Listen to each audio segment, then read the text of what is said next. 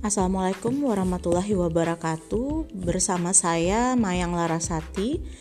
Selanjutnya kita akan membahas tentang komponen marketing mix selanjutnya dari bank yaitu komponen place. Atau kalau di bank biasa lebih tepat disebut distribusi dan branch location. Jadi proses place di dalam bank begitu dominan tentang mendistribusikan jasa bank ini supaya sampai kepada nasabah dan bagaimana strategi untuk menetapkan lokasi kantor hingga lokasi cabang dan lokasi-lokasi ATM atau lokasi uh, ini pelayanan dari bank tersebut. Dalam marketing place itu merupakan komponen marketing mix yang berbentuk upaya dari pemasar atau perusahaan atau bank untuk menyampaikan barang pada nasabah. Jadi kalau bank itu bisnisnya jasa yang disampaikan kepada konsumen itu juga jasa. Nah, hal ini dapat dilakukan melalui kegiatan distribusi dan penempatan lokasi. Distribusi adalah upaya yang dilakukan pemasar agar produknya itu tersedia bagi konsumen. Jadi dengan dia mendistribusikan jasanya, layanan bank ini bisa tersedia sampai ke konsumen mungkin sampai ke dekat rumah konsumen atau dekat uh, atau sampai ke dekat kerjanya atau sampai ke dekat sekolahnya Sementara kalau dalam industri barang, distribusi itu ya saluran distribusi. Distributor itu menyalurkan barang sampai ke konsumen. Nah, sementara karena jasa tidak berwujud, eh, maka yang didistribusikan itu adalah layanan. Jadi menyampaikan layanan sampai kepada si konsumen atau nasabah. Nah, pada perbankan, distribusi adalah upaya untuk meningkatkan ketersediaan at, uh, jasa dan atau kenyamanan atas jasa tersebut bagi konsumen yang dapat meningkatkan pendapatan bagi bank. Jadi kalau kita pikir nih, kita nabung di bank atau meminjam uang di bank. Seringkali keputusan tentang bank yang kita pilih itu macam-macam variabelnya. Contohnya saja, kadang kita memilih bank itu karena dia dekat dari rumah kita.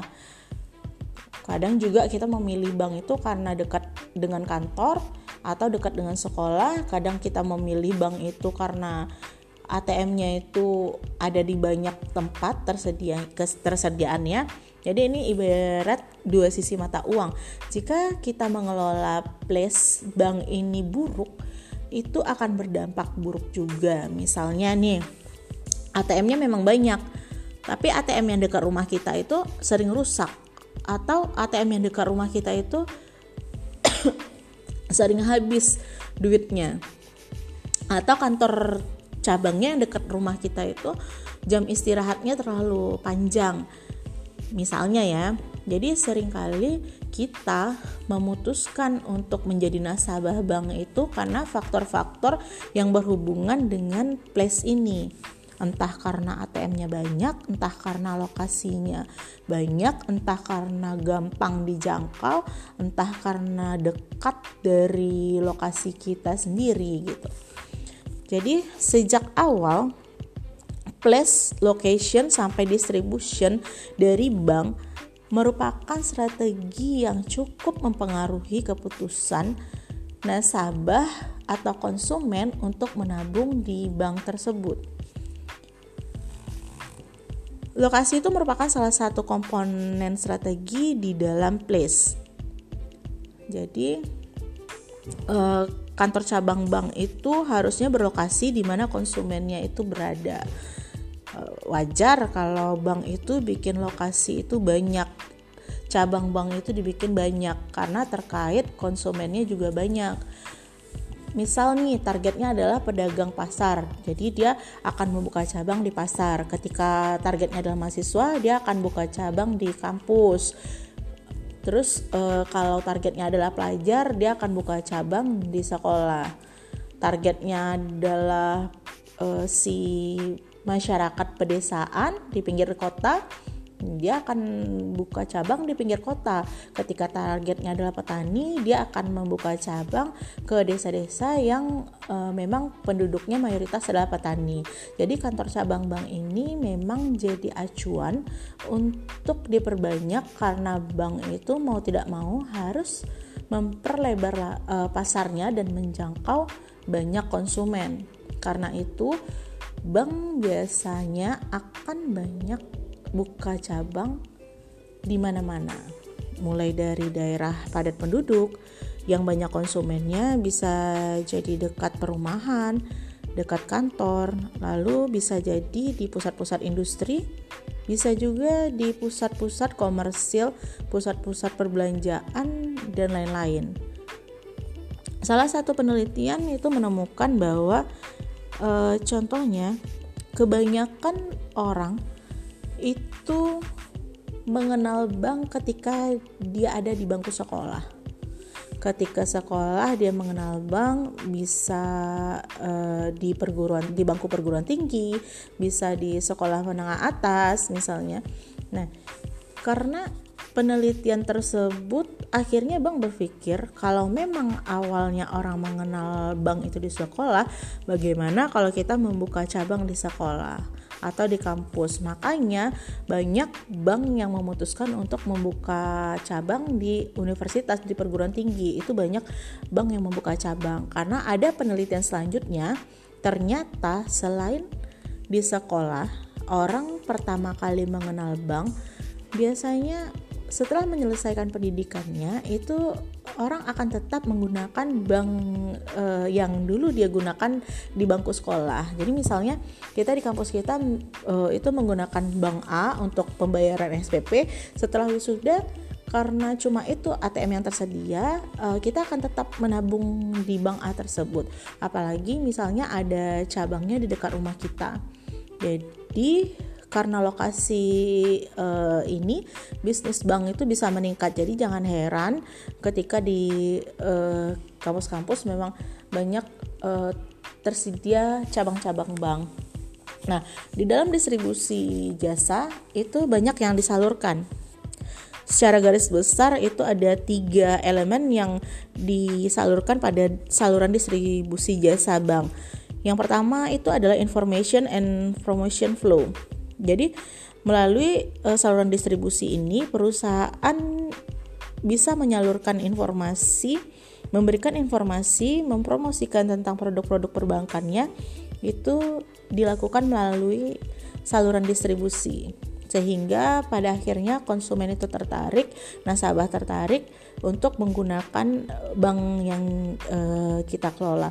Yang kedua dialirkan pada uh, aliran jasa itu adalah negotiation flow atau di uh, industri jasa kita dapat menjual atau men membujuk konsumen untuk menggunakan jasa kita.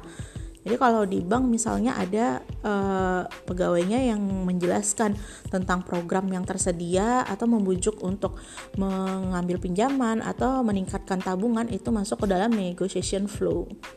Aliran selanjutnya itu adalah uh, di distribusinya itu ada produk flow. Ini merupakan aliran utamanya. Yang dialirkan utama di distribusi jasa adalah produknya atau produk perbankan perbankannya misalnya. Dia alirannya adalah menyalurkan uh, menyalurkan pinjaman menerima uang untuk disimpan atau diamankan di bank tersebut itu disebut dengan produk flow uh, yaitu mengalirkan atau mengantarkan jasa kepada si konsumen atau si nasabah. Pilihan distribusi untuk melayani konsumen itu ada tiga kategori lokasi. Jadi yang pertama itu konsumen bisa mendatangi lokasi jasa. Kalau ini biasanya proses jasanya tidak dapat dipindah jadi konsumen itu benar-benar harus datang ke lokasi tersebut. Jadi ada beberapa layanan jasa perbankan itu yang konsumen memang benar-benar harus datang ke banknya tersebut. Mungkin yang paling simpel itu adalah buka rekening. Nah, itu kan kita harus datang ke banknya. Kita mungkin cuma uh, cuma datang ke buka uh, ke bank itu ketika buka rekening mungkin aja kan ya setelah itu kita nggak pernah lagi ketemu sama uh, orang bank karena selanjutnya kita menggunakan ATM. Nah, pilihan kedua uh, pada distribusi jasa itu penyedia jasa bisa mendatangi konsumen.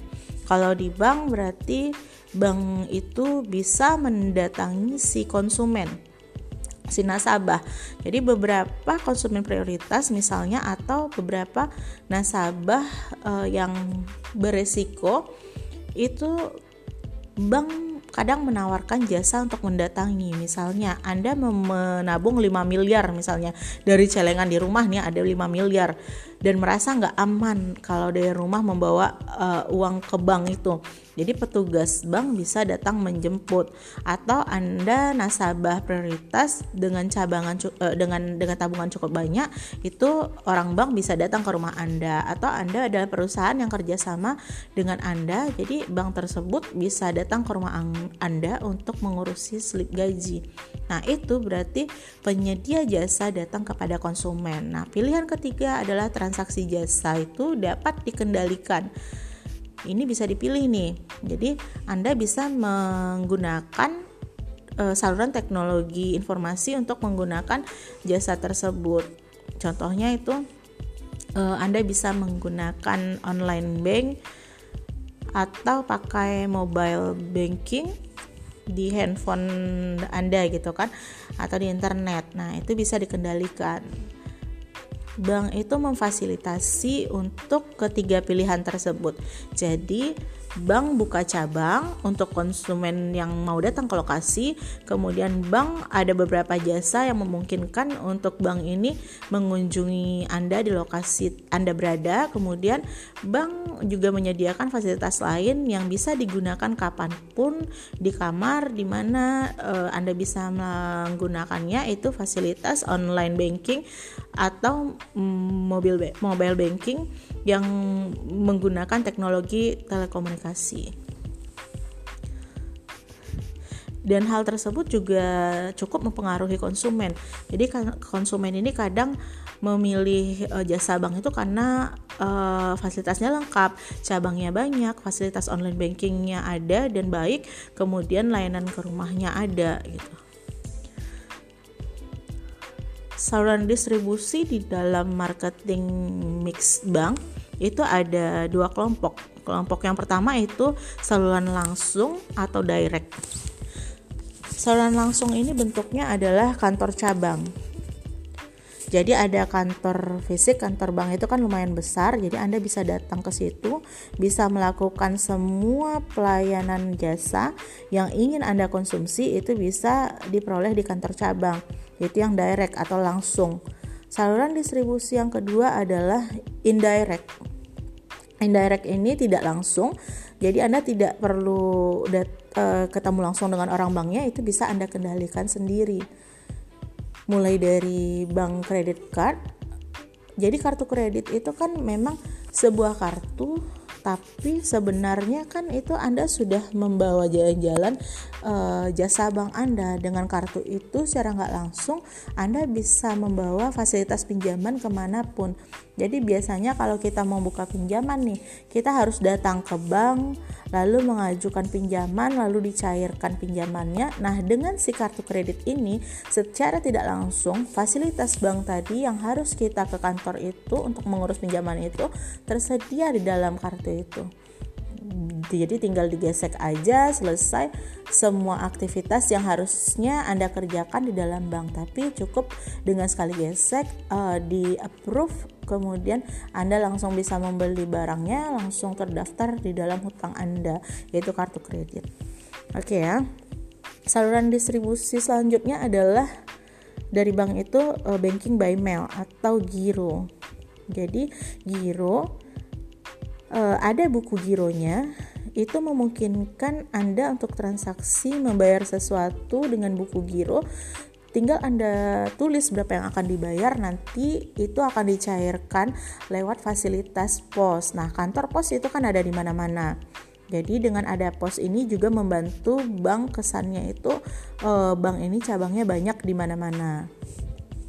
Selanjutnya adalah in-shop branch yaitu menggunakan toko sebagai agen bank. Jadi bank bisa saja mempekerjakan pihak ketiga sebagai bank. Mungkin di daerah-daerah terpencil kita sering lihat toko atau bangunan kecil tapi dia seperti bank. Dia melayani setor dan pinjaman untuk bank tertentu. Nah, itu biasa biasanya sudah disetujui oleh pihak banknya. Oke okay ya, lalu ada InTouch Financial Service. Ini artinya pelayanan bank bisa dalam sentuhan. Maksudnya itu lewat internet atau mobile banking. Uh, kalau fasilitas ini ada bisa digunakan di handphone Anda, bisa di laptop, bisa di komputer. Selanjutnya, distribusi bank itu bisa juga dilakukan lewat automatic bank atau cash dispenser atau biasa kita kenal dengan ATM automatic uh, teller machine atau uh, uh, automatic telling machine atau biasa kita sebut dengan ATM di Indonesia itu singkatannya adalah anjungan tunai mandiri. Nah, itu juga bentuk bank.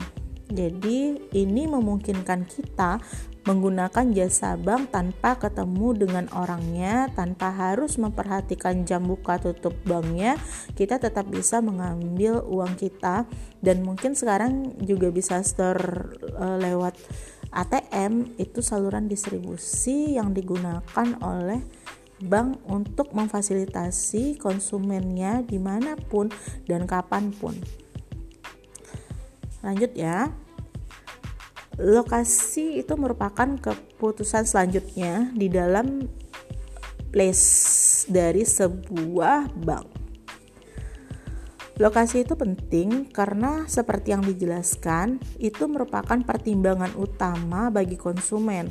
Jadi kadang kita memilih bank itu karena dekat dari rumah kita, bisa jalan kaki beberapa langkah saja setor langsung gitu jadi enak duit kita tabungan kita dekat dari rumah atau dekat dari uh, lokasi kantor kita Nah, selanjutnya pentingnya lokasi ini merupakan sebuah keunggulan bersaing yang sulit untuk ditiru.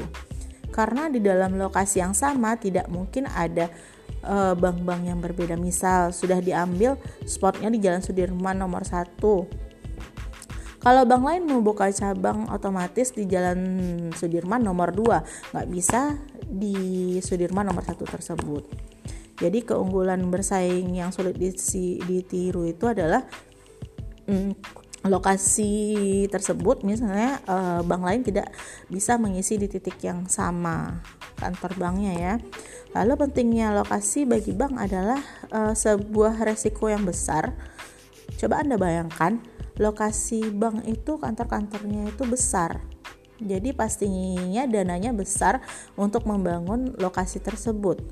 Lalu belum lagi kalau menyewa berarti ada jangka sewanya. E, lalu ketersediaan lahannya juga mesti dicari apakah ada lahan kosong untuk dibangun bank. Jadi resikonya cukup besar. Jadi untuk lokasi itu biayanya besar dan jangan sampai salah menentukan lokasi. Biasanya lokasi bank e, itu dipilih berdasarkan berbagai pertimbangan. Salah satu pertimbangan yang paling umum itu adalah lokasi yang menjadi target atau pilihan-pilihan terbaik bagi bank. Nah, lokasi ini biasanya banyak konsumen. Contohnya lokasi akademik eh, seperti kampus ya. Kemudian lokasi sosial eh, banyak masyarakat di situ, padat penduduk di situ. Lalu lokasi komersial, tempat orang berbelanja, tempat orang berjualan tuh di pasar misalnya atau di mall-mall. Nah, itu lokasi-lokasi favorit bagi bank. Lalu untuk pertimbangan lainnya, bank itu punya banyak variabel ketika akan menentukan sebuah lokasi untuk e, perkantorannya, untuk cabangnya. Mulai dari pertimbangan konsumen, apakah konsumennya di sini banyak atau ini termasuk target konsumennya atau lokasi ini merupakan target konsumen baru bagi bank tersebut.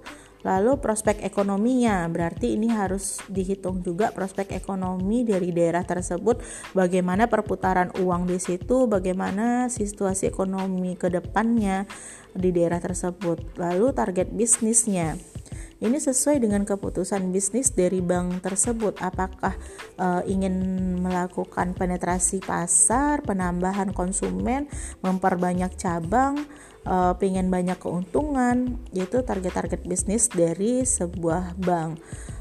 Pertimbangan selanjutnya itu adalah biaya. Jadi mau tidak mau ketika menentukan lokasi harus ditentukan biayanya berapa, entah itu beli tanahnya, entah itu mendirikan bangunannya, entah itu sewa dari lokasi gedungnya. Lalu pertimbangan lain adalah kebutuhan manajemen. Bisa jadi ini merupakan keputusan manajemennya apakah akan memperbanyak cabang, apakah akan menambah e, kantor atau tidak ini tergantung kepada keputusan manajemen juga. Lalu pertimbangan lain adalah lokasi pesaing. Nah bisa jadi uh, ketika kita memilih buka bank di lokasi yang sepi pesaing atau banyak pesaing itu dua pertimbangannya sebenarnya saling menguntungkan juga ketika buka bank di lokasi yang sepi bisa jadi konsumennya sepi. Tapi bisa jadi Anda adalah bank satu-satunya di lokasi tersebut. Mungkin Anda bisa dapatkan konsumen uh, di daerah itu secara full. Nah membuka lokasi bank di, uh, di lokasi yang banyak pesaingnya pesaingnya itu juga mungkin bagus karena kita tidak perlu mengedukasi konsumen lagi. Konsumen sudah pasti tahu itu jajaran bank-bank lalu nyelip bank kita di, di situ. Jadi orang udah tahu ketika melihat lokasi bank misalnya mereka merasa tidak puas dengan bank A, mungkin dia bisa pindah ke bank kita. Seperti itu uh, walaupun negatifnya mau nggak mau kita harus siap dibanding-bandingkan dengan bank yang bersebelahan. Jadi masing-masing ada plus minus mau memilih di tempat yang rame yang rame banknya atau di tempat yang sepi pesaing banknya. Pertimbangan selanjutnya adalah ketersediaan sumber daya. Mulai dari uh, listriknya airnya sumber daya manusianya keuangan dan lain-lain. Oke okay ya. Lalu Pertimbangan lain mungkin akses dan visibilitas. Makanya kebanyakan bank itu juga kadang berada di tempat yang mudah diakses. Di jalan-jalan utama misalnya itu jarang kita temui bank yang sampai masuk ke gang-gang gitu kan. Aksesnya itu harus bisa uh, fleksibel gitu dan mudah dilihat dan parkirannya biasanya juga lumayan gede karena konsumennya lumayan banyak gitu kan jadi akses dan visibilitas itu uh, penting bagi bank dan pertimbangan-pertimbangan lainnya Oke, kantor bank dan lokasinya itu banyak. Jadi level-level kantor bank itu banyak dan kecenderungan lokasinya adalah seperti ini. Uh, misalnya nih ya, Bank terbesarnya dari sebuah bisnis bank adalah kantor pusat. Oke ya. Kantor pusat ini biasanya ciri-cirinya dekat dengan pemerintahan. E, biasanya bisa jadi di ibu kota negara atau di ibu kota provinsi. Lalu turun di bawahnya itu adalah e, levelnya itu kantor kantor wilayah itu bisa jadi ada di ibu kota provinsi. Lalu ada kantor cabang utama ini mungkin ada di ibu kota kabupaten atau di kota madya. Lanjut ada kantor cabang biasa itu lokasinya biasanya strategis e, banyak konsumen atau nasabah di situ. Lalu eh, lokasi kantor cabang pembantu sama lokasinya strategis mungkin eh, lebih jauh lebih spesifik lagi. Lalu ada kantor kas itu misalnya di perumahan, di kampus-kampus. Lalu ada juga eh, kas keliling. Jadi kantornya bisa keliling karena eh, bisa menggunakan mobil. Jadi ada bank yang menyediakan mobil seukuran uh, minibus itu uh, disebut dengan kas keliling. Jadi ke mana pun dia orang bisa menabung di situ. Lalu lalu ada lagi agen atau bank mini. Nah ini adalah uh, bank itu tuh mempekerjakan pihak ketiga untuk bekerja sama. Uh, lalu kemudian dia bikin bank mini bank uh, di pelosok-pelosok mungkin ada di toko di kedai kecil tapi dia melayani setor dan tarik tunai untuk keperluan jasa bank tersebut lanjut ya yang mendukung di dalam place distribusi dan uh, lokasi dari bank itu adalah teknologi jadi dengan adanya teknologi ini cukup membantu uh, di saat ini. Jadi bank itu kadang kan tidak perlu buka cabang banyak tapi cukup buka ATM-nya banyak itu sudah terasa kantor cabang bank. Jadi ada teknologi ATM automated uh, telling machine atau automatic cash dispenser. Nah, itu bisa memperluas jangkauan bank ini mungkin banknya tidak ketemu di kita tidak ketemu dekat rumah kita tapi ATM-nya ada lima langkah dari rumah gitu. Lalu ada electronic fund transfer system. Atau uh, biasa uh, disebut itu sistem transfer yang menggunakan saluran elektronik. Banyak dia ya uh, jenisnya seperti uh, menggunakan mobile atau internet banking. Jadi bisa transfer lewat elektronik melalui saluran mobile atau internet banking. Nah, itu teknologi-teknologi yang memungkinkan bank itu selalu ada di mana pun dan kapan pun. Oke ya, selanjutnya yang perlu diperhatikan dari sebuah lokasi dan kantor dari bank itu adalah uh, match image-nya. Jadi kantor bank itu membangun image dari bank tersebut. Jadi kan uh, kadang ketika kita melihat wujud dari kantor bank itu muncul image yang macam-macam. Ah bank bank ini terlihat kokos eh kokoh. Kemudian bank ini terlihat terpercaya. Bank ini terlihat besar bisnisnya besar. Bank ini terlihat sukses dari dinding bank aja. Kadang kita bisa menilai bahwa ini banknya kayaknya catnya udah nggak ganti-ganti. Nah ini um, bank bangunannya luar biasa besar. Kacanya lumayan mengkilat ini menimbulkan image macam-macam yang bisa membujuk uh, si konsumen. Jadi penting wujud kantor bank itu penting. Jadi makanya jangan heran kalau kita ketemu kantor bank itu hampir semua kantor bank hampir e, terlihat keren. Setidaknya terlihat oke okay bagi konsumen yang menjadi target pasarnya. Selanjutnya uh, image dari kantor ini juga membawa efek psikologis bagi uh, konsumen ketika memasukinya dan ketika menjadi nasabah. Jadi yang dirasakan konsumen ketika masuk ke bank itu adalah ketika kita masuk ke bank itu itu uh, bank uh, kantornya itu berasa punya kita karena uh, karena nyaman gitu kan uh, ini bank saya saya masuk seperti masuk ke rumah gitu. Lalu efek psikologis uh, sebagai nasabah juga keluar dari bank itu uh, terasa eh saya bangga nih nabung di sini karena memegang kartunya aja kita sudah bangga. Uh, kita memegang kartu uh, bank B misalnya ya nih bank B ini keren memegang kartunya aja sudah merasa keren, merasa memiliki gedungnya gitu. Jadi memang uh, kita sebagai konsumen gedung itu diciptakan untuk melayani kita. Gitu. Jadi secara umum gedung tampilan dari kantor bank itu membangun image dan ujung-ujungnya menarik minat masyarakat untuk menjadi nasabah bank tersebut, untuk loyal terhadap e, bank tersebut, untuk menggunakan bank tersebut, untuk merekomendasikan kepada orang lain dan untuk percaya kepada bank tersebut. Itu image dari sebuah lokasi dan gedung dari bank. Oke ya. Selanjutnya komponen terakhir dari uh, place di bank itu adalah komponen waktu. Jadi selain menentukan lokasi pada place kita juga uh, menentukan jadwal pelayanan yang kita berikan. Seperti kita ketahui, jadwal pelayanan bank itu kan sangat tradisional. Jadwalnya itu terbatas, gitu kan jadi hanya pada hari kerja di uh, dan jamnya itu kan uh, jam bukanya itu terbatas uh, dari hari Senin sampai hari Jumat. Mungkin dari jam 8 sampai jam 3 atau jam 4 gitu, uh, jam 4 sore gitu kan.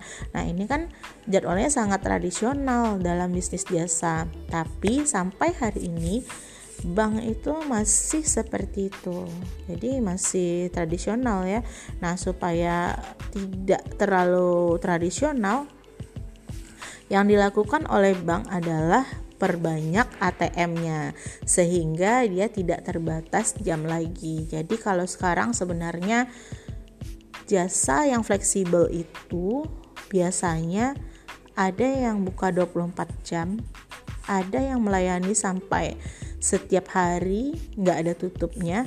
Nah, kalau bank mengakali ini adalah dengan menyediakan online banking uh, bisa transaksi di handphone Anda sendiri atau Anda bisa transaksi lewat ATM. Nah, itu upaya bank supaya menjadi fleksibel bagi si konsumennya. Termasuk seperti ini. Mungkin Anda pernah mengalami datang ke bank Lalu banknya itu ada jam istirahatnya. Jam istirahat dari jam 12 sampai dengan jam 1. Idealnya itu kan harusnya bisa ditiadakan karena kan harusnya kita bisa bekerja pakai shift. Nah, kalau shift jadi dia bisa berganti jam istirahatnya. Nah, harusnya bank itu bukanya oke okay lah Senin sampai Jumat tapi setidaknya jam pelayanannya itu kalau bisa jangan ada waktu istirahat. Oke okay ya uh, jadi karena udah pakai shift dia bisa buka dari jam 8 pagi sampai jam 4 sore. Nggak ada pakai jam istirahat karena mereka kan udah pakai shift shiftan gitu. Harusnya bank yang modern itu bisa memfasilitasi hal-hal tersebut. Makanya bank itu menggunakan menggunakan mesin ATM, menggunakan berbagai fasilitas agar tetap mengakomodasi konsumen dalam waktu kapan pun uh, dan di mana pun. Oke, terima kasih. Semoga bisa menjadi ilmu yang bermanfaat. Assalamualaikum warahmatullahi wabarakatuh.